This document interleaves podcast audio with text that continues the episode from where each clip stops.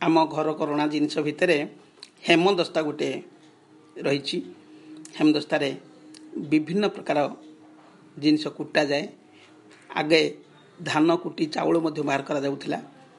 ଏବେ ମସଲା ସବୁ କୁଟାଯାଏ ଏବେ ଧୀରେ ଧୀରେ ଗ୍ରାଇଣ୍ଡିଙ୍ଗ ମେସିନ୍ ଆସିଯିବାରୁ ହେମଦସ୍ତାର ଭୂମିକା ନଗଣ୍ୟ ହୋଇପଡ଼ିଛି। ତଥାପି ହେମଦସ୍ତାର ନିଜସ୍ୱ ମହତ୍ଵ ନିଜର କର୍ମ ସମ୍ପର୍କରେ ସେ ନିଶ୍ଚିତ ଭାବରେ ଆଜି ବି ମଧ୍ୟ ଆବଶ୍ୟକ ରହିଛି। ତେବେ ସେହି ହେମଦସ୍ତା ସମ୍ପର୍କରେ ଆମେ ଶୁଣିବା। ହେମଦସ୍ତା। ହେମଦସ୍ତା ନାମ କିଏ ଦେଲା ମୋର? ହେମଦସ୍ତା ନାମ କିଏ ଦେଲା ମୋର? ଜାଣି ନାହିଁ ଶୁଣି ନାହିଁ କେବେ ଜାଣି ନାହିଁ ଶୁଣି ନାହିଁ। ଢିଙ୍କି ପରି ସିନା କାମ କରେ ପୁଣି? ଢିଙ୍କି ପରି ସିନା କାମ କରେ ପୁଣି? ଅନ୍ୟ କାମ ପାରେ ମୁହିଁ କେତେ ଅନ୍ୟ କାମ ପାରେ ମୁହିଁ?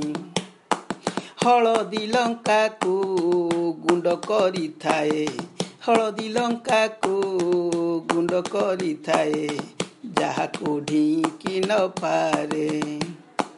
ଅଦା ରସୁଣକୁ ଛେଚି ଦିଏ ପୁଣି ଠଣ ଠଣ ଶବଦରେ ମୁହିଁ ଠଣ ଠଣ ଶବଦରେ ବତୁରା ଚାଉଳ ଗୁଣ୍ଡ କରି ରଖେ ମଣ୍ଡା ପିଠା ହେବା ପାଇଁ।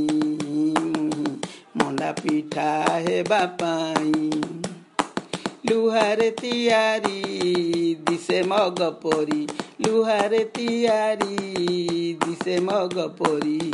ବଡ଼ ଓଜନିଆ ହେଇ ମୁହିଁ ବଡ଼ ଓଜନିଆ ହୋଇ। ଦୁମୁ ଦୁମୁ କରି କୁଟେ ଲୁହା ବାଡ଼ି। ଦୁମୁ ଦୁମୁ କରି କୁଟେ ଲୁହା ବାଡ଼ି। କୁଟୁଣି ହାତରେ ଧରି ମୋତେ କୁଟୁଣି ହାତରେ ଧରି ଥକି ଗଲେ ସିଏ ହାତ ବଦଳାଏ। ଥକି ଗଲେ ସିଏ ହାତ ବଦଳାଏ। ଓଲଟ ପାଲଟ କରି ତାର ଓଲଟ ପାଲଟ କରି ଖସିଯିବ କାଳେ କୁଟୁଣିର ହାତ। ଖସିଯିବ କାଳେ କୁଟୁଣିର ହାତ। ବାଡ଼ିରେ ରହିଛି ଛତି ମୋର ବାଡ଼ିରେ ରହିଛି ଛତି। ଲୁହା କାରିଗର କେଡ଼େ ଯତନରେ? ଲୁହା କାରିଗର କେଡ଼େ ଯତନରେ? ଟାଣ କରିଛି ମୋ ଛାତି ସତେ ଟାଣ କରିଛି ମୋ ଛାତି। ହେମଦସ୍ତା ନାମ କିଏ ଦେଲା ମୋର?